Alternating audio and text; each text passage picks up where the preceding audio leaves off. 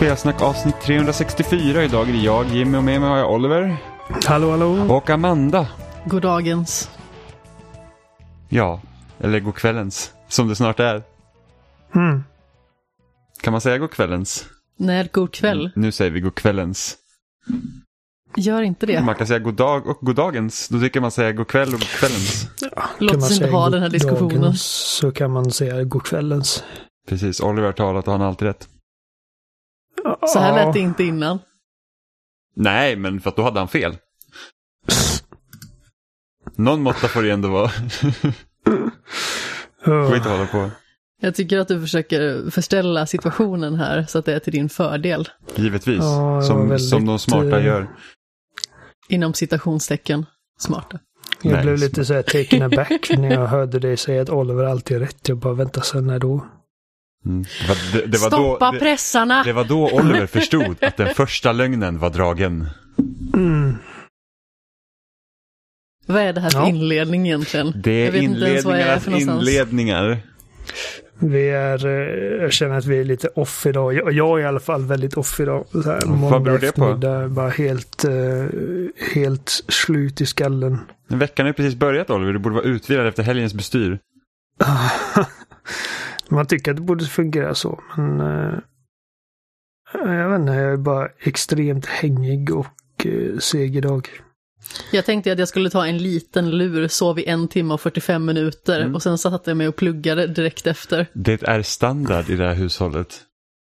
Att jag tänker att jag ska sova Att du ska en viss sova en viss tid, ja. Sen så bara, jag stängde av i sömnen. Men det värsta är att när du stiger upp och stänger av klockan eller sätter om ditt alarm så ser det ut som att du är vaken. Så då tänker man så här, ah, ja men hon vill bara sova lite längre då. Ja, så egentligen vill jag ju inte det och det är det som är så himla roligt för att du tror ju att jag gör något form av aktivt beslut men det gör jag inte Ja, för det är ser- mitt undermedvetna det som ser- tycker att jag ska sova mer. Det ser ut som det. Att du gör ett aktivt beslut alltså. Jag tycker ändå det bästa är när jag blir alldeles chockad av att alarmet går igång. Jag tar tag i en colaburk och försöker stänga av alarmet med den. Nej, jag tror det roligaste det var nog när du exploderade på hela soffan efter att jag hade varit och fixat tvätten.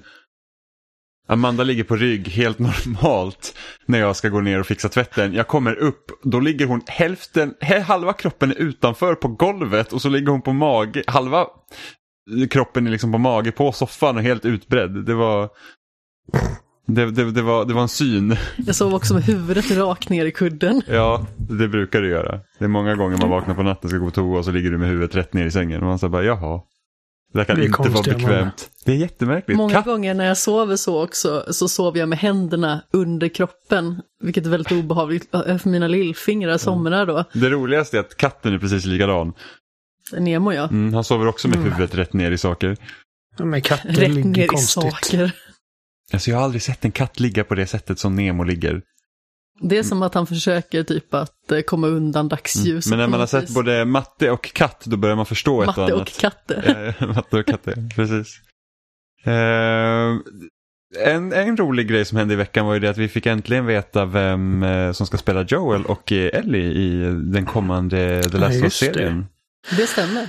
Ja, så vad, vad, känner, vad känner ni om valen av vad är det, Pedro Pascal och Bella Ramsey. Bella Ramsey? Precis. Jag, jag blev lite så här, jag, började, jag, jag, jag tänkte Bella Ramsey men så drog jag liksom Ramsey som paralleller till den här äckliga karaktären i Game of Thrones. Jag bara, nej det kan inte stämma. Alltså jag tror att det är ett Eh. ganska så bra val. En av de roligaste grejerna var dock det liksom stod en artikel eh, med rubriken Game of Thrones-stjärnor gör huvudrollerna i HBOs satsning The Last of Us. Eller någonting i den stilen. Första kommentaren var, sen när är Pedro Pascal med i Game of Thrones? Och man bara, vem är du och vilken sten har du sovit under? Alltså man blir ju så Mm, ja. trött på människor. Eh, Bella de- Ramsey känns de- lite som en överraskning. Men Pedro Pascal, eh, alltså när man tänker efter, känns ju som ett ganska så solitt val. Ingen av de här är ju liksom de som jag tror att någon av oss hade gissat. Eh, men eh, sen är ju inte vi casting directors heller och eh, jag tycker att liksom, jag har sett så mycket jävla negativitet eh, kring eh, de här eh, casting-utannonseringarna och det är så jävla tröttsamt för att det folk bara vill ha är liksom de som ser mest ut som karaktärerna i spelet, vilket är väldigt sekundärt känner jag. Ja men precis. Eh, alltså, alltså, det handlar för- ju mycket om om man kan göra en solid rollprestation ut efter liksom karaktärerna och hur de är.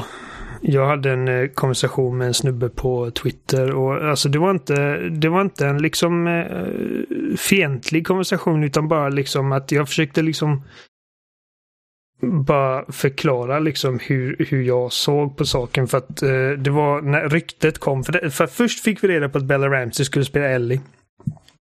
Ja, precis, det och, blev eh, klart först. Ja, och sen, sen så började det liksom komma rykten om att Mahershala Ali skulle spela Joel. Vilket givetvis, alltså ba, bara baserat på, för att det är väl liksom även jag som fan, så när jag liksom tänker typ vilka som ska spela de här karaktärerna så tänker jag liksom på folk som ser ut som de här karaktärerna. Men så fort jag hörde typ Mahershala Ali som Joel, jag bara fan, nu vill jag se detta hända.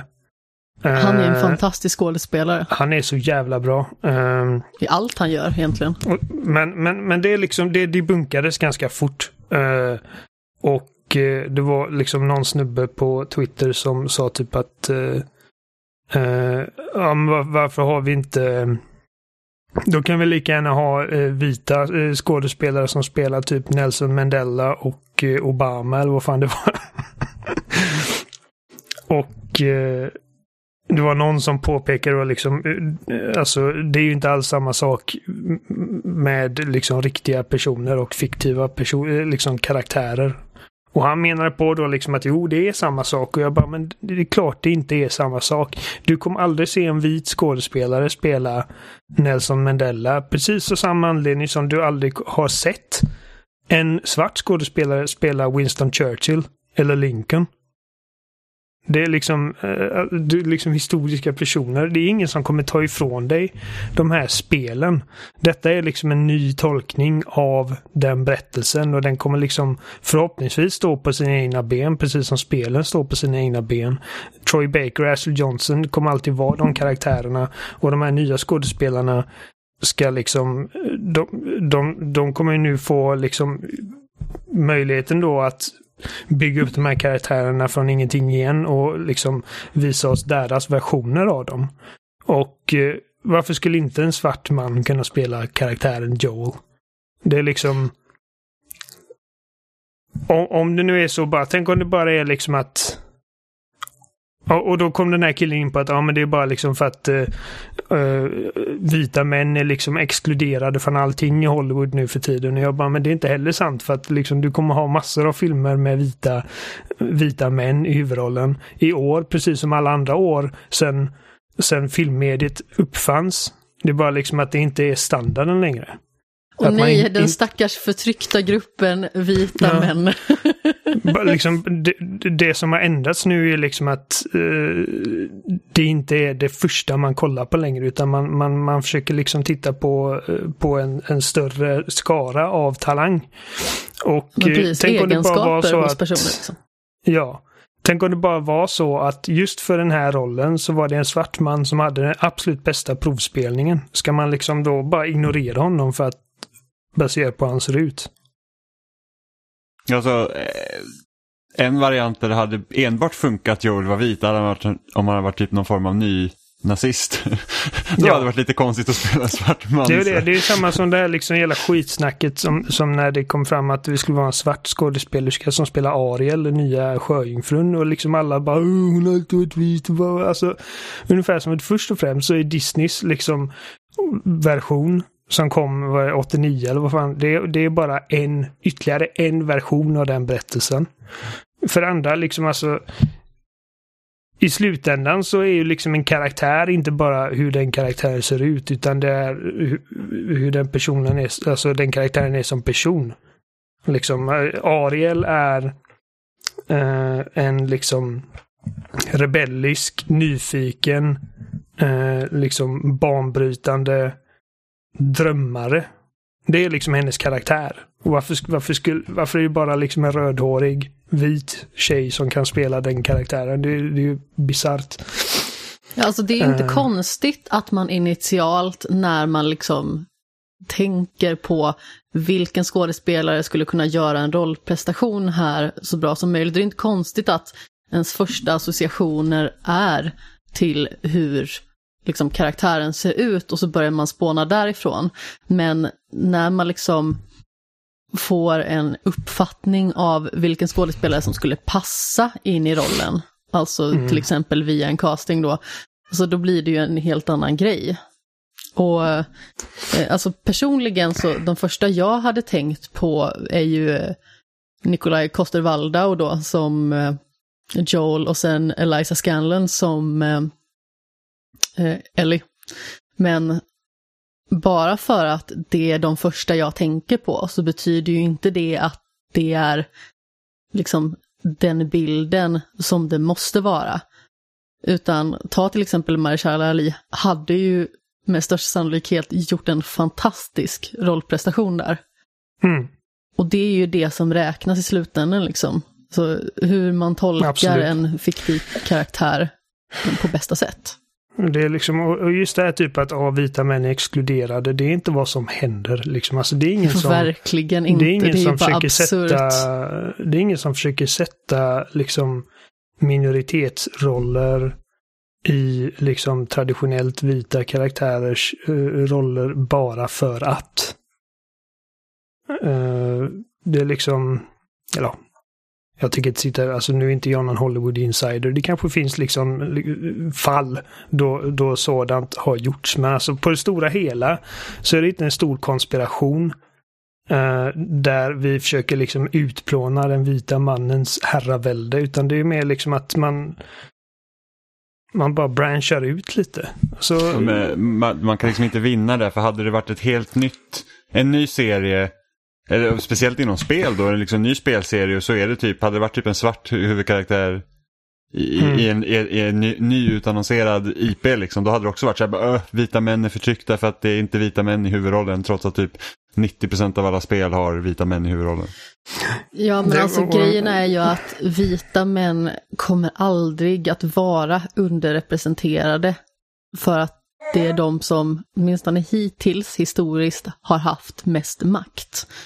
Eh, så jag menar, att man försöker att vända på det lite och eh, sätta andra perspektiv i fokus, det är väl inte så himla märkligt.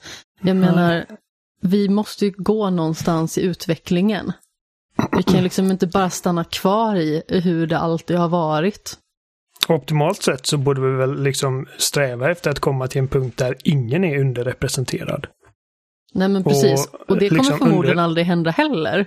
Vilket Nej. liksom är alltså sorgligt. Men man kan ju sträva efter det åtminstone. Man kan sträva efter det, precis. Och det är liksom, alltså underrepresentation är ingenting som vita män någonsin kommer behöva oroa sig för. De kommer alltid finnas där liksom. Uh, och, och, det är inga problem. Det är liksom, det är ingen som sitter här och är sur varje gång det, varje gång det kommer en film. Alltså det är ingen som skriker liksom eh, halsen av sig när det kommer en ny film med Leonardo DiCaprio bara för att han råkar vara en vit man. Liksom. Det, alltså det är ju den andra sidan som skriker när, liksom, när det är någonting annat. Um, och jag menar åter till Joel då. Uh, alltså, jag skulle kunna göra liksom en lista på attribut som åtminstone liksom i min värld uh, sammanfattar karaktären som Joel är. Och att han är vit är liksom typ en, liksom, förmodligen det sista jag hade sagt liksom på den listan. För att det, det har liksom ingenting honom med, att göra liksom. Nej, alltså han bara råkar vara vit person. i spelet. Och om han hade råkat vara någonting annat i serien, men nu är han liksom latinamerikan. Uh, och jag menar alltså Pedro Pascal, ifall man liksom squintar lite så är de ganska lika. Det är liksom alltså du kommer aldrig få en perfekt representation av liksom vad, vad din så här, headcanon ser ut som. Uh, du kommer aldrig kunna göra alla nöjda med en casting. Och det, det är så jävla dumt också för att liksom, folk har redan bestämt sig innan de ens har sett någon av de här eh, skådespelarna i, i de olika rollerna. Jag tror liksom att så fort du sett dem i kostym och smink i liksom den här världen så tror jag att vi kommer liksom, några av dem som säger nej nu kommer liksom att vända sig. För att de har, de har dålig fantasi, och de har svårt att liksom föreställa sig allt detta. Men det är alltså, jag hatar verkligen detta liksom att det viktigaste av allting när det kommer till casting är bara liksom att de ska se ut på ett visst sätt. Mm. Och fan, det finns ingenting att klaga över med Pedro Pascal. Han är sexig som fan. Det kommer ganska så här, Mm. roliga nyheter också för att det är inte bara Last of Us-filmen som, som har fått, eller Last of Us-serien som har fått casting utan även Borderlands-filmen. Och nu vet jag att varken du Oliver eller du Amanda är särskilt så här inne på Borderlands. Äh, skräp. Fast Tales of the, eller from the Borderlands Ja, är men ju precis. ett av de bästa. Liksom. Men det här baserar sig på förmodligen första alltså, Borderlands-spelet. Ja. Eh, Jag ville bara liksom göra den lilla inflikningen så att det handlar liksom inte om att jag är anti på något vis. nej, nej, nej. Ja, Du bör- lite börjar svettas här när Oliver bara skräp. Jag vill inte associeras med sådana åsikter. Och liksom, Nej. alltså, den, Men- den filmen kommer suga röv. Det är lite konstigt ändå om de tog Jack Black till Claptrap, för där hade de kunnat tagit liksom originalskådespelaren. Men de hade perfekt casting på Dr. Tennis som kommer vara Jamie Lee Curtis. Oj. Ja, absolut. det, och Dr. Tennis för de som inte vet, hon, hon är liksom en, en typ paranoid, galen vetenskapskvinna som är typ har varit strandsatt på den här planeten hur länge som helst, att hon, hon har lite blivit koko liksom. Eh, och det gör Jamie Lee Curtis, eh, tror jag att hon kommer göra asbra. Sen, tror ju, sen vet ju inte jag om den här filmen kommer vara, alltså Kevin Hart är ju ingen favorit direkt. Eh, och, och, sp, och Ja, spel, han har fått mig att skratta några gånger. Alltså när jag det- tänker på Kevin Hart så tänker jag bara på Afterlife. Och Ja, eh, hon som jobbar på Hon som är tidningen. ett fan. Precis, hon som eh, mest är intresserad av eh, horoskop typ. Ah, ja, ja. Så att- Funniest man in the world. Men då, jag, jag tror ju liksom, jag tror att vi kommer se under 20-talet eh, ett större liksom, som spel får ju allt större kulturell relevans. Jag tror att det kommer komma mer Mm. och mer filmer som baseras på spel och någon gång kommer det väl träffa rätt och bli faktiskt bra. Kanske. Jag vill ju fortfarande ha typ en tv-serie som utspelar sig i Rapture. Ja. Innan första spelet. Att det liksom serieavslutningen är precis innan första spelet tar vid. Eller om man kör första spelet också i en säsong eller något sånt där. Det hade varit Och, spännande. alltså, och jag ska inte sitta här och säga att Borderlands-filmen kommer suga, det vet ju inte jag. Alltså, den, den, kanske, den kanske blir bra, men det är liksom bara typexempel på ett sånt IP som jag känner liksom inte är nödvändigtvis det bästa att adaptera till film. Nej. För att har, du, liksom- har, har du spelat Tales from the Borderlands? Ja, Ja. Alltså det var ju så himla eh, och jag gillar trögstartat. Tales of the Borderlands. Men, men, Det eh, var väldigt långa episoder inledningsvis, men fasen vad rolig den blev sen. ja Alltså de, de har bra humor, de har liksom skärmen och det liksom. Och det, det, det är möjligt att det liksom kommer funka, jag vet inte. Men det är bara liksom, alltså Borderlands är ju liksom bara guns, guns, guns, ratatatata. Och det, det, det är det som är hooken liksom. Det är en looter shooter. Eh, och eh, då är liksom typ som Bioshock eller Last of Us. Det är ju liksom mer typ, det finns mer att eh, jobba med när det kommer till liksom manusskrivandet.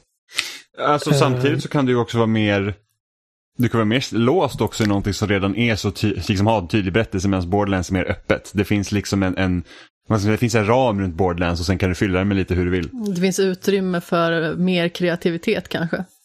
Kanske. Alltså, precis, möjligtvis. Alltså Last of Us-serien kommer bli en tolkning av spelets berättelse snarare än liksom en... Så det, det beror på helt enkelt. Eh, Man men- skulle ju kunna göra mycket intressanta saker med just Bioshock med tanke på liksom vad grunden i Bioshock är. Ja. Eh, men det här är ganska... Ja, nå- någon i Hollywood borde återvända till liksom tanken på, på Bioshock. För att det, det var ju nära att det blev av, men det har hänt mycket sedan dess. Det är liksom... Eh, det har visat sig liksom att man kan göra R-rated filmer och ändå tjäna en hacka. Ehm, eh, och uh, spel har givetvis blivit ännu större än, det, än vad det var då när Gore Verbinski var liksom nära på att få göra filmen. Eh, men ja. Ja. Eh, men det här är en ganska annan rolig grej. Eh, för tre veckor sedan så satt vi här i podden och bara pratade så här, man får, det är så svårt att få tag i en PS5, vi har inte hört någonting. Sen så lyckades du fixa en PS5 till oss Oliver. Mm. Och veckan efter så fick vi även en PS5 från webbhallen. Ja, Den Eh, digitala Den versionen. digitala versionen då, så inte en, en, eh, inte en standard med, med skivläsare. Men, men vi tog den faktiskt. För det var så att, för det var så att, ja men fan, det, det är ändå mycket pengar. Men det är så att när, alltså säg att man avbokar den så har man ingen aning om när nästa liksom maskin kommer. Nej, Så att nu har vi en varsin. Helt otroligt nog. Trevligt. Härliga tider. Eh, och, och vi fick faktiskt kommentarer om det på Instagram av Cappuccino78 som, som sa det här med att, för jag gnällde på troféerna att de liksom ligger undanbakade på ett onödigt sätt. Var ju det att du kan få upp troféerna också eh, genom att trycka på Playstation-knappen men det är olika från spel till spel har jag märkt. För där vill ju jag ha liksom en, en spelhubb, liksom att där kan jag välja troféer och allt annat i spelet. Men eh, till exempel när man spelar Bugsnacks eller eh, Astros Playroom så kan det även komma upp spelguider där. Vilket Mm. har fört mig till ett annat problem.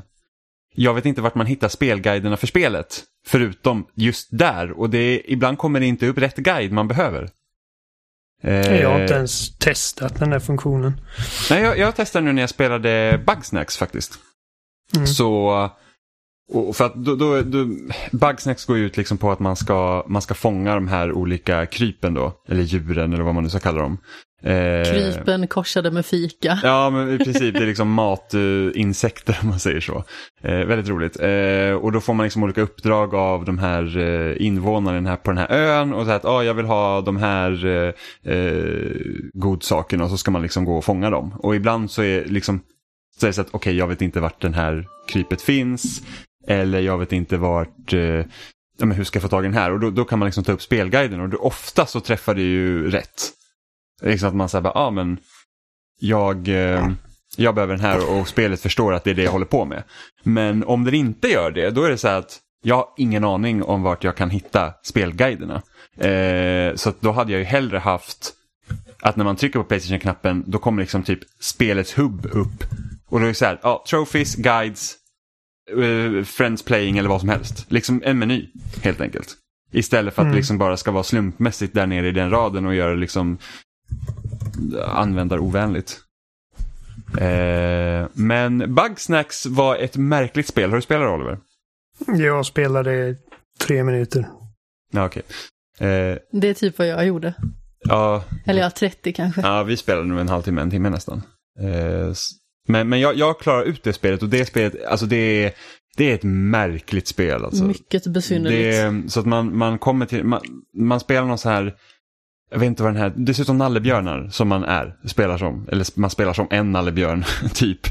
Eh, och så är det massa andra nallebjörnar på den här ön då som de är där på någon expedition och ledaren för expeditionen har då försvunnit och det är den man letar Lisbeth. efter. Lisbeth, precis. Eh, och alla är liksom helt besatta i de här bugsnacks för det är typ det godaste som finns. Och när, vad som händer när de äter sina bugsnacks är att om man säger att de äter en, en, en litet kryp som ser ut som en jordgubbe, då, då, får de liksom, då kan typ ena armen bli en jordgubbe. Eller benet, eller vad som helst. Eh, så att de här liksom bugsnacksen, de, förändrar de här nallebjörnarna, hur de ser ut. Till vilken nytta undrar jag bara, fick man veta det? Ja, man fick veta precis vad som hände. Och det är liksom, och jag vill inte spoila slutet nu för det, det är ändå ganska bra att uppleva det själv. Men alltså, det spelet went places om man säger så. Alltså, alltså, jag lovar, min haka den var fan nere i marken när jag kom till slutet. Alltså jag bara, så, det är inte sant, det var helt bisarrt. Eh, På ett bra sätt eller? jag vet inte. Jag, jag är ganska... Så att, jag tycker väl spelet var helt okej. Det är väl ingenting jag säger så att ah, men köp en PS5 och spela Bugsnacks för det är det bästa du kan spela. Utan det är väl liksom lite kul när man liksom inte har... Ja, det finns inte så mycket spel till konsolen om, om om man liksom inte vill spela gamla spel utan man vill spela nya. Så, och har man då haft PS Plus och tagit Bugsnacks så absolut man kan spela igenom det. Det är, liksom, det är ett ganska roligt pusseläventyr om man säger så. För eftersom man ska ju man, man får ju liksom fånga de här krypen och leta efter dem. Och när jag spelar här så märkte jag att det är ungefär så här jag vill att Pokémon Snap ska vara. I, inte att man fångar Pokémon och föder dem till andra Pokémon-tränare och typ lagar mat på dem och sånt. Det är lite för bisarrt man kanske. får utväxta Pokémon-delar. Ja men det sjukaste var ju faktiskt att när, när jag var liten och lekte med mina kompisar så brukade vi leka Pokémon och då fångade vi också Pokémon och gjorde mat på dem. Typ lite Gyarados-filéer och sånt. Så bisarrt. Men det gjorde vi.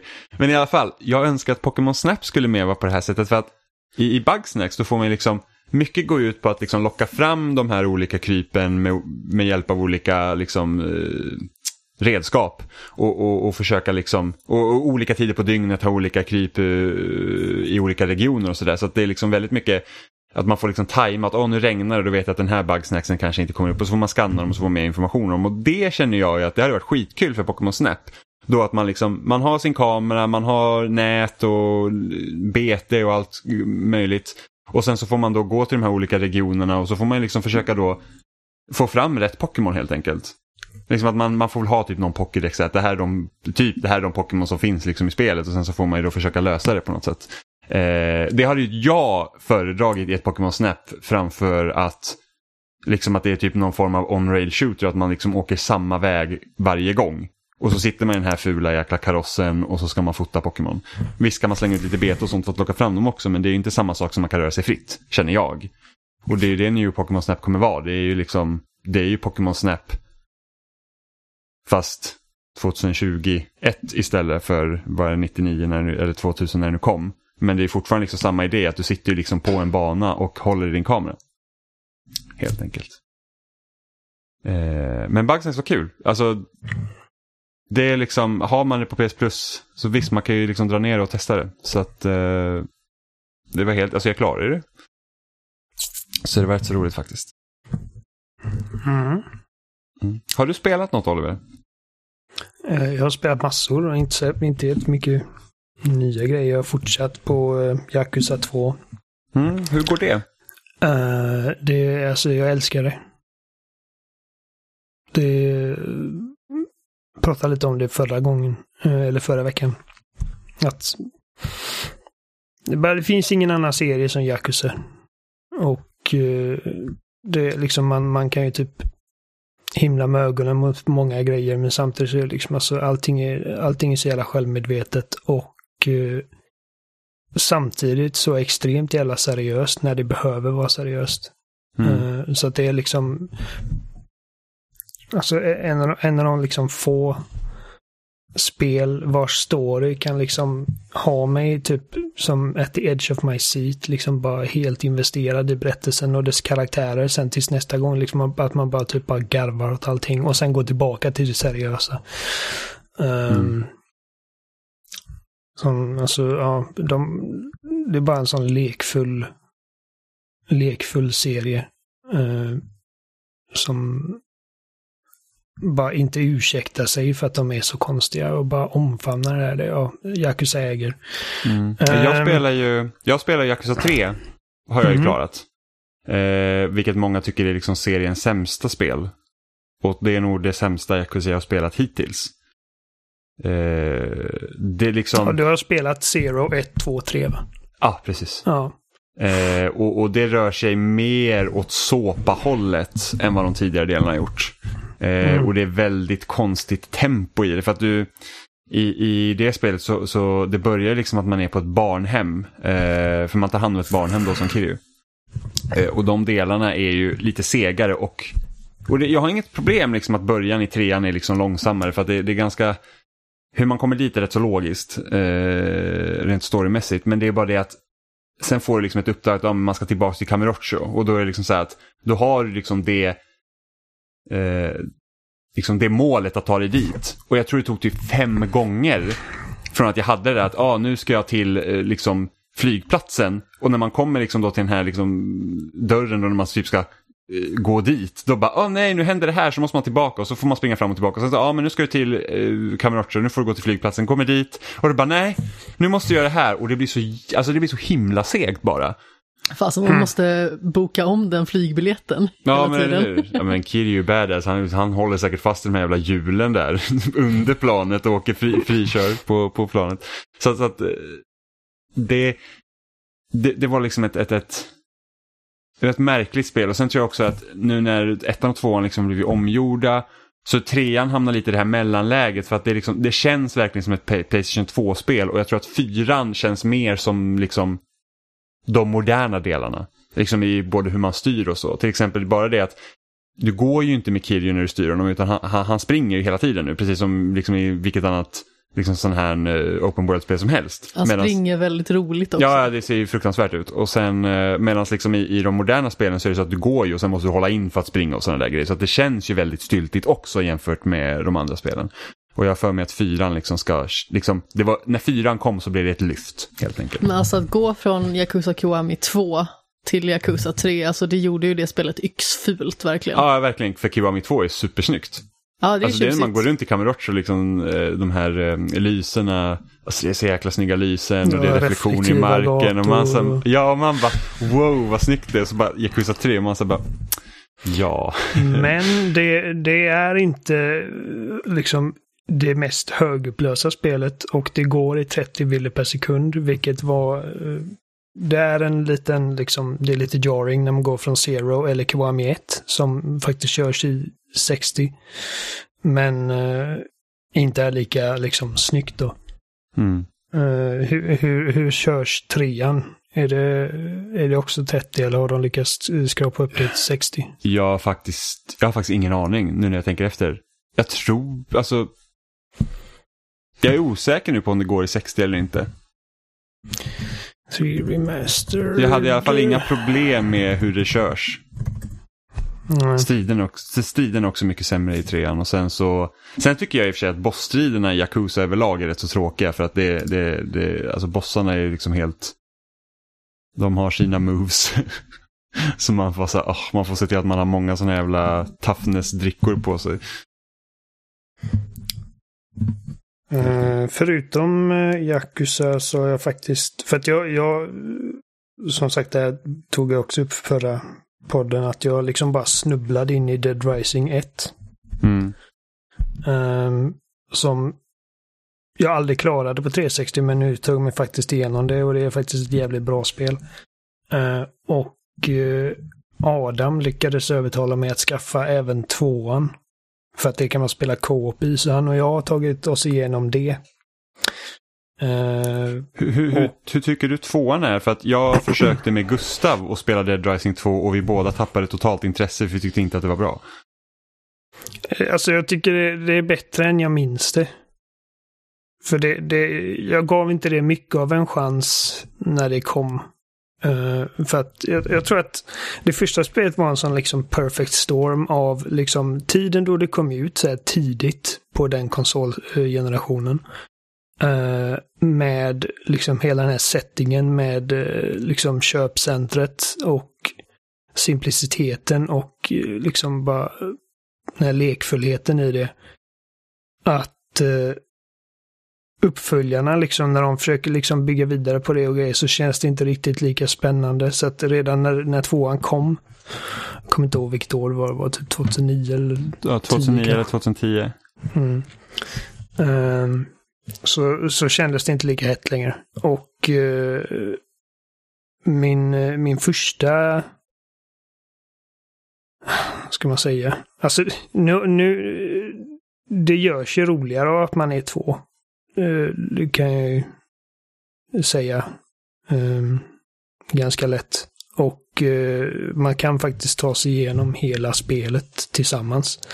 Även om det är vissa grejer, typ som att det är liksom bara en av eh, våran, liksom en av spelarnas eh, story progress som sparas.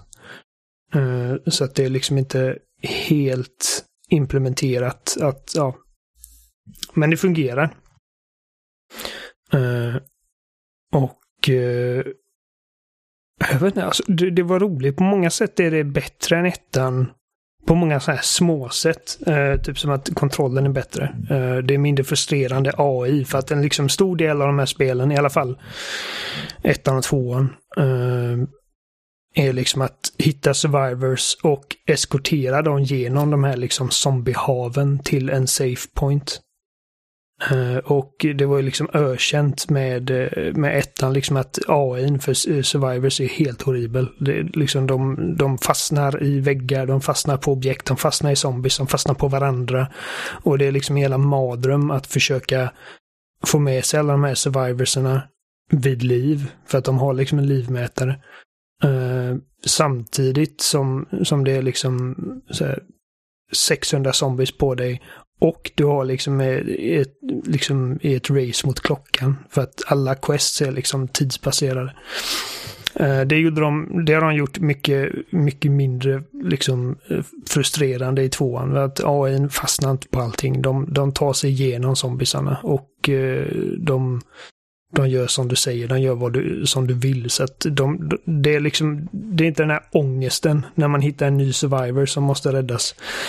Uh, uh, och alltså, ja, det, de har liksom strömlinjeformat vissa grejer så att det bara känns mindre frustrerande. Och uh, jag tror att tvåan har nog eh, lite, uh, lite roligare bossar också överlag. Även om det finns liksom några riktigt minnesvärda sådana i första spelet så de gör en del roliga grejer i tvåan. Ehm, det jag tror att tvåan förlora på är liksom att uh, sp spelets huvudkaraktär inte har samma karisma och charm som Frank Wester i första spelet. Um, och uh, settingen är inte lika rolig heller. Det, det är typ ett uh, någon form av kasino. Som är så jävla stort och det är så många olika delar och kartan är lite så här otydlig. Så att jag... Det tog många timmar innan jag faktiskt kände liksom att jag hade koll på layouten. Vilket är jobbigt när man spelar ett spel där man alltid är liksom i krig mot klockan. För man vill veta liksom vilket håll jag ska för att liksom tjäna in så många minuter som möjligt. Um, och många, många av de här liksom sektionerna av, av uh, spelvärlden liksom påminner om varandra så att det är liksom ibland så undrar man, okej okay, vilket kasino är jag på nu? Uh, och som sagt, det är mycket större än det första spelet så att mycket av speltiden är väl bara liksom att springa från punkt A till punkt B. Medan mm. man kunde ta sig runt ganska snabbt i Dead Rising 1. Spelade du Dead Rising 3 när det kom? ja, det gjorde jag. I brist på annat. Ja, okej. Okay. Uh, eh, och uh, men jag kan inte säga att jag minns det spelet med no, liksom någon form av nostalgi eller liksom att att det skulle vara Alltså jag minns det knappt, jag bara vet att det liksom eh, Det var också så här liksom launchspel till Xbox One och mm man spelade för att det liksom fanns inte så mycket annat. Och det är inget dåligt spel. Det Ja, de har faktiskt påbörjat trean nu. Han övertalade mig. Um, den största... Störst, det första man märker när man kommer in i trean är att det inte körs i 60 bilder per sekund. Utan att det är 30 och det liksom chaggar rätt mycket.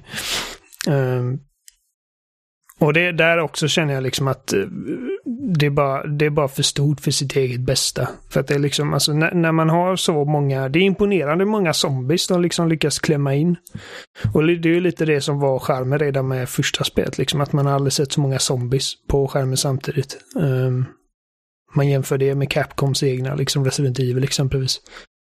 Um, men när det är så mycket zombies så känner jag liksom att när man gör världarna bara större och större och större Eh, och liksom färdtiden blir längre och längre och liksom de här eh, sträckorna du måste färdas genom de här zombiesarna liksom det blir, blir för mycket. Och jag tror att, mm. alltså, eller tror, jag känner mig ganska säker på att alltså ettan kommer aldrig liksom, de kommer aldrig kunna replikera liksom vad som gjorde ettan speciellt. Alltså, jag tror att många spel och spelserier lider av just det här. Alltså jag tänker framförallt på en av mina favoriter då, Batman Arkham-serien, som också liksom blir större och större. Mm. Men det som verkligen var kärnan och det som gjorde, liksom, om vi tar det första spelet då, Asylum, så briljant. Det var ju liksom själva utformningen i mångt och mycket. Och eh, även att jag tycker att City är ett fantastiskt spel, Eh, så är ju varken Origins eller Night eh, lika bra, mycket på grund av att de är mest stora liksom för liksom uppskalningens skull. Det känns som att det inte riktigt finns någon eftertanke med det, mer än att oj, nu kan vi använda Batwing eller nu kan vi använda Batmobilen liksom. Eh, och det känns som Origins att... är den största, hur ska man säga, offensen för detta tycker jag. Eller offendern. Eh, För att där har du inte ens Batmobilen och det är ändå så jävla stort. Och det är liksom helt tomt och liksom det är ingenting spännande händer den, på den stora ytan. Nej, och sen eh, just i det avseendet så håller jag ju eh, alltså Night högre, för då har man ju Batmobilen. Men sen så tycker jag ju att Arkham Origins tycker jag ju nog är ett bättre spel. Eller ett mer intressant spel, rent eh, berättelsemässigt. Men du, i och för sig, du har, du har nog sagt detta. Vi har, vi, har, vi har säkert pratat om detta, att jag, jag föredrar Night framför Origins och du föredrar Origins. Ja, jag tyckte att eh, Night var inte så spännande just eh, berättelsemässigt, utan eh, alltså det var ju coolt och så att få köra runt i Batmobilen, men det kändes som att det bara var stort och just den här stridsvagnsmekaniken, det gjorde ju mig bara förbittrad och till en dålig människa. Jag tror tråkigaste med Origins dock, det är att det slutar när det börjar bli riktigt intressant i berättelsen ja, men det kan jag hålla med. Jag, jag, kände, för jag var såhär, jag bara wow, nu börjar jag komma igång och sen så var man typ på sista uppdraget. Jag var såhär, nej. Jag vet liksom att de typ... De, Vad händer nu? Ja de går ju in lite på det här liksom typ Joker och uh, Batmans liksom första möte eller vad det nu är. Och det som gör liksom att de är typ sammankopplade. Varför deras relation är så speciell. Liksom. Jag vet, men det, alltså, det, det har gjorts förut. Och liksom, alltså, typ den långa mellansekvensen med honom, det är typ direkt taget från en serietidning. Så det, liksom, jag kände inte att det gjorde inte så mycket för mig. Uh, så, alltså, Förutom den delen, alltså jag minns ingenting från Origins. Egentligen. Jag minns att jag minns eh, att Firefly höll på med på någon bro någonstans i slutet, men det är, det är typ det. Jag minns mer från Origins än Night. Ja, alltså Asylum eh, City och Night känner jag liksom att de, de, de står ut och Night är ju det svagaste av Rocksteadys spel. Uh, men jag tror att Eh, jag tror att jag är nog den av oss i alla fall som gillar Night mest. Uh, ja, jag, att jag totalt avskyr Night. Jag tycker inte att det är ett bra spel. Du avskyr det till och med? Ja, jag tycker, jag tycker att det är... Alltså, jag var väldigt positiv när de visade upp den här jävla Batmobilen. För det kan vara kul. Det känns som en liksom, logisk eh, progression, progression i liksom, hur, hur man kan styra Batman. Men liksom att slänga in de här jävla tanksen och ha det så pass mycket. Det var bara så att nej. Och, och den sen, där tankbossen, det är ju det sämsta. Och sen bara mer av allt. Och sen för att låsa upp det riktiga slutet så måste man lösa alla Ridley-gåtor. Och det gjorde inte jag. För att det är liksom, det, sånt, sånt känner jag att sånt orkar jag inte hålla på med. Liksom att, att man måste ta alla collectibles för att faktiskt få se spelets slut, det känns lite bittert. Men mm. Amanda, du hade ju spelat uh, Concrete Genie. Det har jag gjort. Man uh, iträder då rollen som en liten pojke som heter Ash. Som uh, befinner sig i en förfallen stadsdel som han har minnen ifrån, liksom från när han var liten, att det var mycket mer blomstrande och eh, gästvänlig, medan det numera liksom är ett mörkt ställe som eh, då mest eh, är liksom förknippat med mobbarna som springer runt där liksom och förpestar den här delen av stan. Eh, Denska tror jag att eh, området eh, hette. Eh, mer exakt. Danska. ja, men i alla fall då, eh, som den här Ash, så upptäcker man då att man har magiska målarkonster. Så man börjar utnyttja det här och skapar då eh, konstandar som har olika typer av funktioner i världen. Eh, vissa kan till exempel då eh, skapa elektricitet så att man kan sätta olika typer av skeenden i rullning och sådär. Eh, man befinner sig mestadels i den här stadsdelen men även uppe i en fyr och bekantar sig med en eh, ande som man står närmast då som heter Luna. Som man kan återkomma till sedan och eh, liksom eh, lösa Eh, något form av mysterie med och det är där jag är just nu i stort sett. Men alltså, det är ett ganska så puttrigt spel. Det är eh, mysigt att gå runt och måla på väggar och eh, då lysa upp den här stadsdelen igen. För det är ju så att när man målar på de här väggarna så får man bort liksom den mörka substans som eh, ska man säga, besudlar stadsdelen på något vis. Eh, det finns ju något sånt här mörklilaktigt, eh, ondskefullt eh, tjosan som eh, då vilar över vissa byggnader och eh, vissa ting. Eh, och det försvinner när man liksom har lyst upp hela den delen av stadsdelen. Och eh, genom att måla på väggarna så lyser man upp glödlampor då. Alltså om man tänker liksom vanliga ljusslingor. Som man kanske har i hemmet eller på balkongen och sådär. Eh, och det liksom blir allmänt mer gemytligt med de här väggmålningarna och andarna som eh, är eh, mysiga mot den och Eh, det finns många liksom, troféer som är baserade på att man typ ska leka med andarna bara, typ eh, leka titt ut eller sitta vid lägerelden med en ande eller sådär. Eh, så det är liksom, det är ett ganska så vänligt spel då, bortsett från de här mobbarna som man då måste locka bort från olika platser så att man kan komma åt och måla. Och de är ju riktigt skurkaktiga liksom när man stöter på dem typ kastar ner en i soptunnor och uh, tar tag i en och uh, liksom mm. gör allmänt taskiga saker. Kastade sten på dig också? Japp, man kastar sten på mig. um, så, så de är ju liksom inte roliga att ha att göra med. Och alltså jag förstår ju att spelet måste ha något form av moment för att det ska bli mer avancerat. Men det känns inte riktigt som att det är det som är en av de viktigare delarna egentligen. Sen så eh, är ju mobbarna liksom också en stor del i att, att stadsdelen då är mer ogästvänlig. I och med att de klottrar ju liksom också över stadsdelen där det liksom står eh, elaka saker om huvudpersonen till exempel och så som man kanske målar över eller Jag tänkte på det, så att åh, de klottrar ner stadsdelen och så kommer Amandas karaktär in och klottrar mer.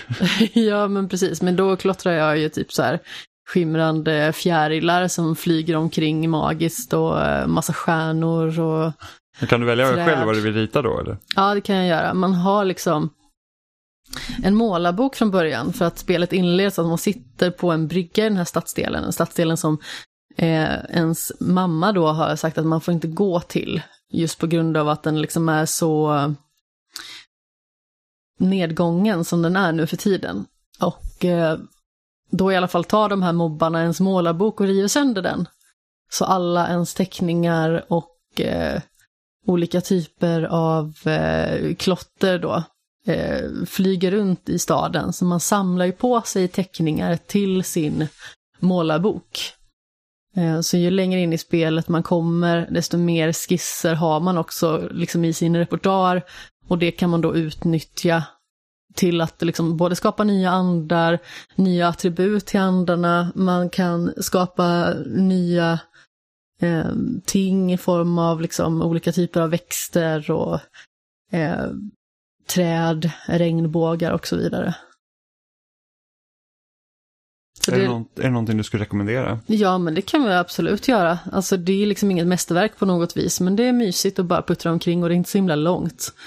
Jag tror att det skulle vara mellan fem, åtta timmar kanske och jag är väl någonstans där och börjar ju närma mig slutet på upplevelsen. Men nu har jag inte spelat det på några dagar för vi har spelat annat. Ja, och det har vi gjort. Vi har ju spelat Super Mario 3D World. Det stämmer. Och, och Bowsers Fury. Och Bowsers Fury, den expansionen som kom med. Uh, jag har ju försökt klara ut 3D World flera gånger tidigare. Jag har ju liksom kommit så här jag klarar fem världar två gånger med två olika personer och sen liksom har det bara dött av.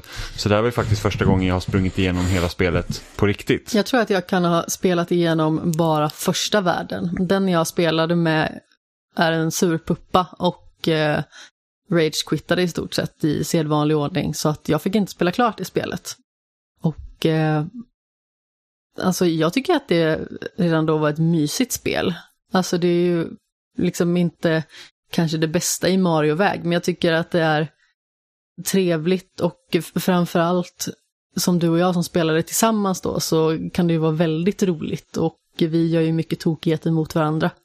Ja, alltså den största behållningen är att vi kan spela tillsammans. Jag, jag gillar inte liksom 3D Land till 3DS. Jag tycker inte att det spelet är jätteroligt faktiskt. Jag tyckte om det. Eh, och, och 3D World tyckte jag var bättre, men liksom nu när vi spelar det, alltså det, Många vet jag argumenterar för att det här spelet ska typ vara ett av de bästa 3D Mario. Men jag tycker att det har ju liksom ingenting mot Odyssey eller Galaxy eller 64 ens. Eh, jag, Håll i hatten nu. 64 är skitbra. 64 är okej. Nej, 64 är skitbra. 64 är otroligt överskattat. Nej, det är jätte, jättebra. Jag hade jättekul med 64 när jag spelade i höstas. När vi spelade det i höstas. Ja, jag spelade mestadels. Ja, men det gjorde du. För att du blev arg. Ja, för att det var dumt.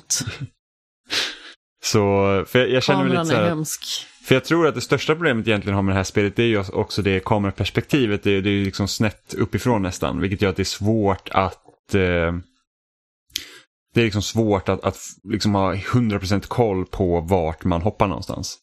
Ja, men precis. Alltså, det är inte helt i isometrisk vy, utan det är ju lite mer från sidan. Men djupseendet är ju så himla svårt att hålla koll på.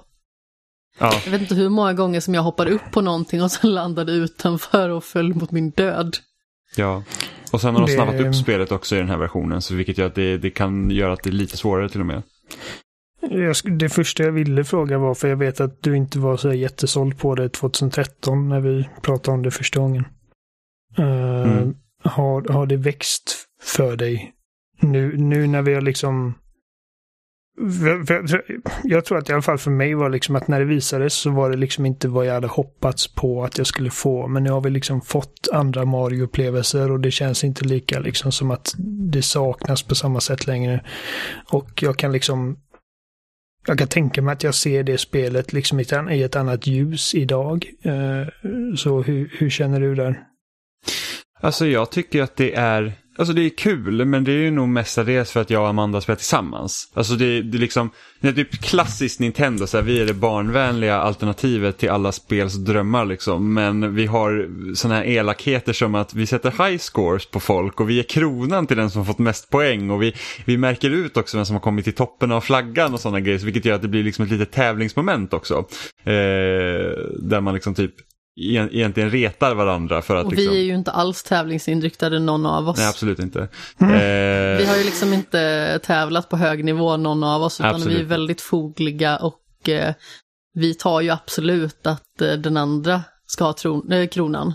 Eh, det är nästan så att vi förespråkar att den andra ska ha kronan. Jag tror nästan att du är ännu mer tävlingsinriktad än vad du är Jimmy. Eller att Amanda är mer tävlingsinriktad än vad Jimmy är. För att, alltså, jag har alltid upplevt Jag? Jimmy som den mest tävlingsinriktade jag känner och sen träffar jag Amanda. Va? Alltså, jag, jag, alltså jag, så här, jag, jag tror att jag är betydligt bättre på att hålla tillbaka än vad Amanda är. Ja. Amanda är väldigt lik min syster på många sätt, vilket jag tycker är lite kul. För De har inte träffat att- varandra än, men det, det, jag upplever det, att Amanda blir så sur på mig när vi spelar Among us varje gång. Nej, jag blir inte sur på riktigt. Nej, jag får sova på soffan många nätter alltså. Du har aldrig fått sova på soffan någon, någon gång, förutom när du har somnat, när vi har kollat på Mm, ja, saker. det är så det låter. Nej, skojar. sen är du helt omöjlig att få därifrån också. Du ligger och mest gör konstiga ljud. Så, Älskling, ska vi gå och lägga oss? Jag är trött. Ja, så skyll inte på mig då. Men alltså, jag kan vara tävlingsinriktad, men alltså, jag blir inte sur på riktigt. Alltså, jag vet att det kan uppfattas så, till exempel i Among us, men jag är ju verkligen inte, sluta skratta Jimmy. Jag är ju verkligen liksom inte arg på riktigt på något vis. Ja, Även att jag kan bli uppeldad i situationen. Det, det är bra att du är på behörigt Mm. avstånd Oliver. Ja. Nej, Eh, Okej. det men, stämmer inte. Men, men det är det som gör spelet liksom roligt och, och, och det är också det som blir utmaningen många gånger för att första halvan av spelet är ganska lätt. Liksom att, att då hade vi inte några större problem och sen andra halvan när vi är två så dog vi ju ganska mycket just på grund av att man hamnar i vägen för varandra. De har satt att plocka upp items och springa är på samma knapp så att ibland så har jag plockat upp Amanda och nästan kastat ut henne. Ja, men för att du ska alltid springa snabbt. Ja, fart och fläkt. Ja men alltså man måste ju vara lite mer strategisk än så tänker jag. Alltså jag försöker ju liksom så här känna in rummet lite Nej, grann nej, innan jag kutar nej, nej, iväg. Utan. Jimmy han bara så här, nu ska jag springa fort. Så det är flera gånger som han har sprungit iväg med mig och jag bara hjälp, hallå, Ja, och det- framåt mig. Det är den situationen jag och Jenny hamnade i också när vi spelade på Wii U. Att hon bara, men alltså du, du, du låter mig inte göra någonting. Jag bara, men jag, jag, bara, jag, jag springer mot målet. Liksom. Ja. Och så, så tröttnar hon. Ja, sen har jag ju liksom hört att specialbanorna är ju liksom där spelet verkligen utmanar så det är det vi ska börja låsa upp nu då. Eh, så vi. Sista banan, Bowsers Fury. eh, sista banan var tuff för mig. Ja, Ehm, ja. Men hur är Bowsers Fury då? Ni har, ni har testat det? Ja, Bowsers Fury har vi inte spelat lite mycket, vi kanske har spelat två timmar och sådär. Och, och en sak, alltså den största skillnaden, och vilket jag tycker är ändå konstigt att det här liksom är en expansion till 3D World, är ju det att kameran är fri. Du Ja. liksom, det känns mer som ett traditionellt Mario som Odyssey eller eh, Galaxy än vad det gör 3D World. Förutom att du har ju liksom inte, Mario är inte lika akrobatisk som man är i Odyssey till exempel, utan du har ju fortfarande samma moveset från 3D World. Ja. Eh, men liksom, och, det är inte banor du köper utan det är en, det är en stor ö helt enkelt som har liksom banor i sig. Så det, det är ju en helt öppen värld. Eh, till skillnad från traditionellt Mario. Mm, problemet är att det blir lite som eh, Galaxy när man ska spela kooperativt läge. Ja, precis. Det är ju liksom att jag då som började som spelare två skulle ju vara Bowser Junior. Som då åker runt i den här, eh, Hans lilla farkost som han har. precis, eh, den, den lilla farkosten, ja, precis. Ja, för det, Eh, och då kan jag ju mångt och mycket nästan inte göra någonting förutom att slå på saker, råka simma ur bild, likt Kai, och eh, alltså hämta saker långt borta som inte du kan flyga till.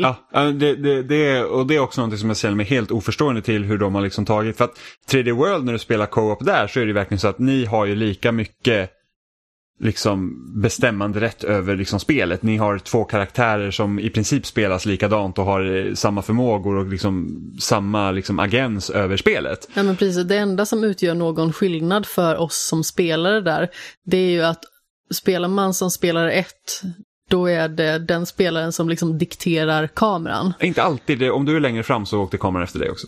Gjorde den det? Jajamensan, för att jag bu- fick bubbla mig många gånger ibland också. Jo, men alltså när man är längre fram. Jo, jo, men alltså, Men alltså grejen är att ofta så återgick ju den till dig även att jag var längre fram. Så då var det ju liksom att jag fick eh, Ah. falla tillbaka. Det är möjligt, men jag vet i alla fall att kameran följde dig emellanåt. Det, det, det måste, alltså spelet måste bestämma sig något sätt, av vem är mest på rätt väg eller någonting sånt där. Och försöka liksom lista ut dem. Men det är det som är så konstigt med Bowsers Fury då, för att tvåspelarläget är ju skittråkigt egentligen. Det För är att, ett enspelarläge ja, och- med en död kontroll bredvid. ja, i princip. Och det, det tråkigaste här är också det för att kameran delar ju sig inte heller när man spelar i Bowsers Fury utan det, liksom, det är ju, då är det ju den som spelar Mario som helt har kontroll över kameran. Och sen så, det är ungefär som när man spelar Sonic eh, 2 på Mega Drive. När, när en fick vara Tails och en fick vara Sonic och Sonic spinner iväg och sen så får Tails typ, han bara försvinner ur bild och sen får han flyga efter liksom. Det är ungefär så det känns här och det, det är liksom jätteroddigt att styra Bowser Junior. Eh, och, och just när liksom att Mario kan hoppa och faktiskt köra plattformen, men Bowser Junior flyger ju. Han liksom, så han blir egentligen som en fuskkaraktär. Bara att, ja men jag orkar inte hitta en väg upp till det här katthuvudet som jag ska samla. Utan då kan bara man flyga dit och ta det. Ja men precis, det är ju flera gånger som vi liksom bara har ställt in kameran. Du har ställt dig i en riktning och jag har åkt dit tills jag är på rätt nivå. Ja, precis. Och sen så leviterar jag tillbaka typ. Så, så att det är för, jag är helt oförstående till hur man liksom har, alltså att man ska säga att ja, för en till två spelare, gud vad kul. Och sen så har man gjort liksom slaktat helt spelare två. Alltså det hade varit annat om, alltså det bästa hade egentligen varit så att det är en spelar Mario, en spelar Luigi, skärmen delar sig när de liksom inte är nära varandra längre. Ja, Men exakt. Och, och kanske liksom att jag vet inte, men det är i alla fall, det, det är ungefär som när, när uh, Shigeru Miyamoto sa att de var jättenöjda över tvåspelarläget i Mario Galaxy. För då kan liksom någon spela Mario och sen kan någon bara sitta och peka på skärmen för det är jättekul. Ja, det är Eh. inte alls roligt och det var ju så jag spelade Galaxy första gången och somnade för att det var så tråkigt. Ja, ja, men alltså det, det är liksom, alltså det är typ, det syskonet man inte gillar det är den som får spela med, med liksom pekaren. Det, det är ungefär så det går till. Till och med en tvååring ska tråka ut sig på det där. Eh, men sen om liksom man tänker ur upplägget för Bowsers Fury så är det desto mer spännande. Det är ju- nu katten är ful. Eh, där ser man ju liksom att inspirationen från Breath of the Wild tycker jag lyser igenom för att du har ju så här att det finns var, varje bana blir nästan som liksom en shrine nästan då som är på den här ön och, och, var, och sen varje bana har x antal liksom katthuvuden du kan hitta då. Eh, istället för stjärnor så samlar man katthuvuden. Och vissa kan bara person S ta också. Ja, ja precis. precis. Eh, och, och det finns ju x an- jag vet inte hur många som finns totalt, om det är över 80 stycken någonting sånt på den här lilla ön och jag tror det finns tre områden eller någonting sånt. Eh, som man ska samla på. Så då, då är det lite det här det jag gillar med till exempel Super Mario 64. Det är det att man kommer in på en bana och sen finns det, ja, man kan ju inte se alla stjärnor på en gång men liksom beroende på vilken stjärna du vill ta så får du liksom hantera banan annorlunda och lite så är det här också. Att beroende på vilken du vill liksom ha en av de här eh, katturerna då, då får du liksom bete dig annorlunda på banan också för att liksom hitta den. Precis, lös det bara. Eh, och sen, sen har de ju också gjort så att Bowser är ju närvarande emellanåt på banan så att det, det liksom typ börjar regna och åska och sådana grejer och så kommer han fram då eh, och så får man liksom ha en bossstrid med honom.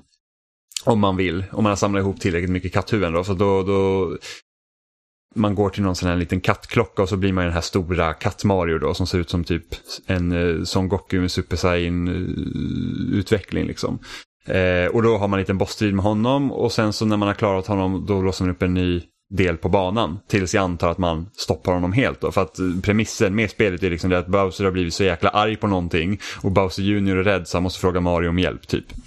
Eh, så man ska stoppa honom där. Och sen så, men när man Så springer premissen runt... är ganska så rolig ändå. Jo men faktiskt. Eh, och sen när man springer runt liksom på banan så kan det vara så ibland att Bowser kommer upp och sen så försöker han liksom typ skjuta eld på en och lite sådana där grejer. Om man inte har samlat tillräckligt många katthuvuden för att möta honom än. Så, så liksom han, han är som ett störande element eh, mellan varven. Eh, jag vet inte riktigt vad jag gillar om det heller. Jag tycker att det är lite så här. Speciellt när man håller på liksom en ban och så helt plötsligt kommer Bowser upp och så börjar han skjuta eld och då kan man kanske inte göra det man hade tänkt och så. Så det blir lite störigt. Ja, precis, och då blir det ju att man måste göra om vissa saker igen och sånt. Och det är Ja. ju liksom inte roligt. Nej. Ingen tycker att det är roligt att göra om saker. Nej, det är inte jättekul. Eh, men jag gillar ändå den här liksom experimentella delen de har nu med Mario. För att det här känns ju som att Visst, han har ju inte samma liksom rörelsemönster som han har i Odyssey. Liksom, han är ju fortfarande begränsad till 3D World-reglerna i den här öppna världen. Så att det är liksom inte... Odyssey är ett fantastiskt plattformsspel just för att man kan ju vara så jäkla kreativ med Marios rörelsemönster. På samma sätt är det ju inte här. Eh, men jag kan verkligen se hur de kan ta de här idéerna till nästa stora Mario. För att Odyssey hade ju redan liksom slängt ut den gamla konventionen om att, ja men till exempel det var inte bara banor som i Galaxy 2, men de körde lite här att hur gör vi 64 idag? Och då har liksom så här att du åker inte ut när du tar en måne utan du liksom, du är, alltså hela den här banan är öppen för dig jämt. Eh, och då får du samla liksom månar bäst du vill tills du är klar. Eh, men ska du byta värld så måste du såklart byta värld. Jag kan ju tänka mig att nästa Mario skulle kunna haft en stor öppen värld där alla liksom världar redan är i världen på en gång. Om, man, om du förstår vad jag menar. Eh, och det skulle väl kunna vara spännande. Jag såg någon på typ Reset Era som hade typ sagt att ja, men de ska kunna inkorporera liksom andra grejer som att typ lägga in typ Mario Kart-bilar för att det ska vara enklare att ta sig mellan världen om du måste åka långt eller något sånt. Så att de skulle kunna dra verkligen från hela eh, Mario-repertoaret och göra en, liksom en fantastiskt rolig öppen värld att plattforma i. Eh, så att det är väl typ det jag ser mest fram emot efter det här. Liksom att det här ser jag som ett experiment för hur de ska kanske lösa vissa problem för ett totalt öppet Mario i framtiden. Kanske. Men jag skulle inte säga så här, säger så här att ah, jag är inte så förtjust i 3D World men jag är lite nyfiken på Bowsers Fury. Betala inte 600 spänn för att spela Bowsers Fury. Det är inte värt det. Alltså det är liksom, det är rätt så kort. Vi spelade väl typ en, en och en halv timme igår kanske.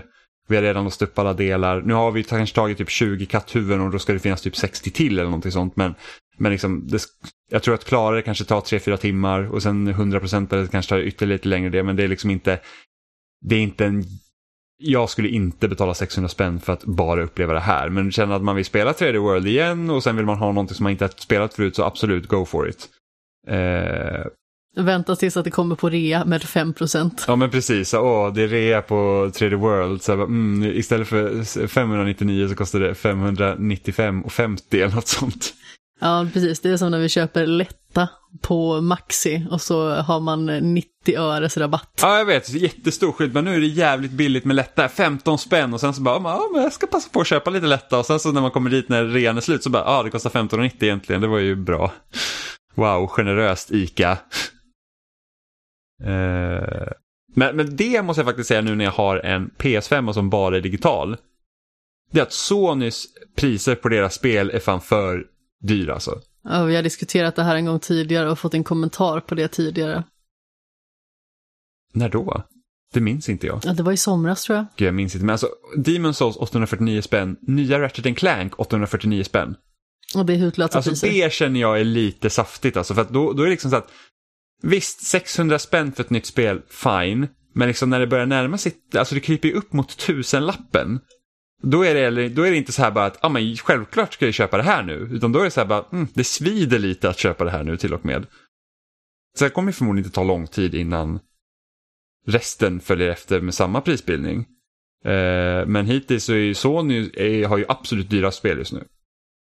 Vilket är väldigt synd. Det är liksom, EA höjde ju för några år sedan men då istället för 699 så blev det 790. Nej, jo. Om man, Fifa är nog så dyrt ja. Men samtidigt de alltså, spelen. Alltså Fifa kan ju vara dyrt. Alltså, det mest galna exemplet jag har haft när det gäller Fifa det var ju liksom när jag gick in och kollade på vad det skulle kosta att köpa digitalt och det kostade typ så 749 eller någonting och sen dyraste versionen tror jag kostade 1099. Ja. Och sen så köpte jag det fysiskt för 449. Ja, men det är bara att alla andra spel går ofta ner i pris ganska fort. Liksom att väntar du en månad med att köpa Assassin's Creed till exempel, då har det gått ner till halva priset. I någon rea. Oftast är det så. Eh, Sony-spelen vet jag inte hur ofta de rear ut. Men jag skulle inte kunna tänka mig att det är lika snabbt. Det är inte Nintendo-nivå, de bara vi rear aldrig våra spel typ. Men eh, det är inte som att du kan få tag i Ratchet Clank för typ 400 spänn, liksom en månad efter launch. Nej, det har jag väldigt svårt att tro. Mm. Alltså vilket är väldigt synd, för man känner ju liksom att man vill spela det när liksom, tiden är inne. Eh, vilket nu är 11 juni för mm. övrigt, eh, då datumet sattes för eh, släpp. Så jag ser väldigt mycket fram emot det. Men eh, ja, alltså det blir ju så att man har ännu högre förhoppningar på att recensera det just bara på grund av priset. Alltså naturligtvis så eh, vill man ju spela det av andra skäl också och förhoppningsvis få det liksom innan andra har lagt vantarna på det för att liksom ha, eh, vad ska man säga, eh, helt eh, oförstörda intryck liksom. Mm. Men eh, ja, alltså... Men, men alltså jag känner lite så här med... Plånboken med, är lite rädd alltså. Ja, men jag känner lite så här också med spelpriserna att, att både Microsoft och Sony liksom har kommit med, de har två variationer av sin, liksom, sina maskiner som bara är digitalt. Och, och genom de digitala butikerna så får de också en större del av kakan för det är inga mellanhänder att köpa deras spel för. Och så höjer man priset. Och då blir det så här att varför? Det är liksom, det är så dyrt, verkligen. Ja. Å andra sidan så kan man väl tänka på så vis som att det kommer inte så jätteofta så nej, nej, nej. exklusiva titlar. Eh, det var väldigt jobbigt att säga det ordet tydligen. Eh, nej men så som tur är så kommer man kanske inte behöva ställas inför den situationen när man behöver lägga 850 spänn på ett spel. Nej, så ofta. men det känns att då chansar man ju inte. Alltså det är inte så att man bara, ja ah, men det här spelet, jag, jag, är sugen på att testa det liksom så här, men, men så att jag, jag köper ändå. Utan då blir det verkligen så att det här måste fan vara bra alltså för att jag ska kunna lägga de pengarna på det. Ja, alltså glöm aldrig när du skaffade Marvels Avengers. Ja, nu delar jag ju på hälften med Robin så att jag betalar inte Just ja, pris för det. det är men, men, sant. Eh, men ja, det är ju så här ett spel jag känner så att det hade jag faktiskt inte behövt spela. Nej, och man behöver faktiskt inte spela alla spel. Sen så finns det ju massa andra titlar som är väldigt rimliga i pris. Alltså jag köpte ju eh, Cyber Shadow, så vi ska kunna spela det in inom liksom en nära framtid och det kostade typ så 209 spänn eller någonting. Så eh, ja, det var ju lite mer rimligt. Alltså förlåt, vi blir lite distraherade för att eh, den lilla katten gör märkliga saker här. Hon hoppar upp och gör lite akrobatiska kunskaper och sånt. Ja, eh, för men det känner jag är en sak som är ganska kul. Alltså om, om vi bort, går bort från priset, liksom det här med... För att när, när 360 och PS3, liksom, när den generationen var på väg att ta slut, så var jag så jävla trött på shooters. Eh, den här generationen har haft väldigt, eller för, föregående generation blir det nu med Xbox One och PS4 har haft väldigt mycket öppna världar istället. Men man känner sig inte lika trött på liksom att det kommer mycket samma typer av spel från de stora utvecklarna bara för att det finns så himla mycket spel. Alltså just de här mindre titlarna också. Men liksom så att det, det är liksom ett, ett ganska högt hög, hög takt på släpp av olika sorters spel så det gör att även om liksom AAA-spel och sånt många gånger stöpta i samma mall så blir man ändå inte lika trött på spel bara för att det finns så himla stor bredd i resten av spelen som släpps. Ja, det är mycket möjligt. För jag funderade på det här om dagen. jag var bara så här att fan, alltså det kommer så mycket spel nu så att jag behöver liksom inte känna Och speciellt nu när de här nya konsolerna, både PS5 och Xbox Series-konsolerna är bakåtkompatibla. Så gör det att du blir inte låst liksom så att ah, men nu har du köpt PS5 och nu är det din primära konsol och du har typ tio titlar att välja på som första köp och sen kanske du köper två och det är allt du har. Utan det är verkligen så att jag kan spela nästan varenda PS4-spel på min PS5 som jag har. Eller jag kan nog köpa, ja jag har nog inga spel som är faktiskt, jag kan spela, ja utom PT. Den sved. Men liksom Xbox kan ju spela alla Xbox One-spel på också så att det, det gör ju liksom att man har ju jävligt mycket olika typer av spel man kan spela. Ja, och sen så känner jag så här också att jag vill ju spela vissa andra spel igen. Alltså Marvel Spider-Man från 2018 är jag sugen på att spela igen. Just för jag vill liksom känna hur det känns med liksom Playstation 5. Och sen så vill jag ju spela om Horizon Zero Dawn i och med att Horizon Forbidden West kommer i år. Mm. Jag spelade ju igenom Ratchet Clank igen eh, alldeles nyligen. Bara för att jag liksom känner att jag vill ha det så här färskt i minnet. Eh, och ha den känslan liksom färskt i muskelminnet inför eh, nästkommande del. Även att det, liksom, det inte kommer vara en direkt uppföljare. Men jag tycker liksom att eh, ja, det finns mycket att spela i allmänhet. Både som man har spelat och som man inte har spelat. Mm. Och jag hoppade in i, i Miles Morales med raytracing och allt det på. För jag tänkte nu ska jag bli blåst av stolen här. För att det skulle se så bra ut i raytracing. Och jag var bara så här, jaha, det så, såg ut bara så här. Jag var så besviken. Jag hade verkligen väntat mig så här, wow vad snyggt allt är. Och jag var så här att, alltså visst reflektioner mer och sånt. Men jag, jag ser knappt någon skillnad alltså. Alltså, det bekommer mig inte så mycket. Jag tycker om att se fina saker. Alltså jag tycker också om att se fina saker, men eh, jag tror att vi kanske lägger olika liksom, värdering i olika typer av jo, jag, fina jag, saker. Jag, jag, bara tänkte att det borde se ut som ett riktigt lyft från PS4 och jag kände, jag liksom kände, nu, nu hoppade jag bara in en liten stund så att det var inte så att jag fick ju, jag såg lite av en snöig gata liksom, men, men det var inte den här liksom så här wow. Inte som när man typ ser vissa screenshots sånt med raytracing på, man bara wow, det där ser ju skitsnyggt ut. Utan det var verkligen så här, man bara så här, ja, alltså när jag svingar runt här i stan, jag, det bekom inte så mycket. Men eh, jag vill spela om God of War för den har ju fått en PS5-uppdatering nu med 4K 60 FPS och det kan jag tänka mig kommer kännas riktigt bra. Jag börjar ju tro att Horizon kommer komma till hösten och att eh, God of War kommer kanske då i eh, början av 2022 eller ja, på våren 2022. Mm. Det ska komma till PS4 också. Precis. Det märkliga blir där när de använder Horizon som ett exempel för vad man kan göra med en öppen värld på PS5. Och sen så, så kommer också uppföljaren till PS4. Såvida inte faktiskt eh, de olika versionerna skiljer sig på något vis. Och jag skulle inte tro att... Jag skulle inte, Nej, jag tror inte heller nej, det. Men de alltså, behöva, det är liksom mer rimligt. Ja, för då ska de förmodligen behöva anlita en extern studio som fixar den versionen. Säkert. Eh, och, och det vet, ja.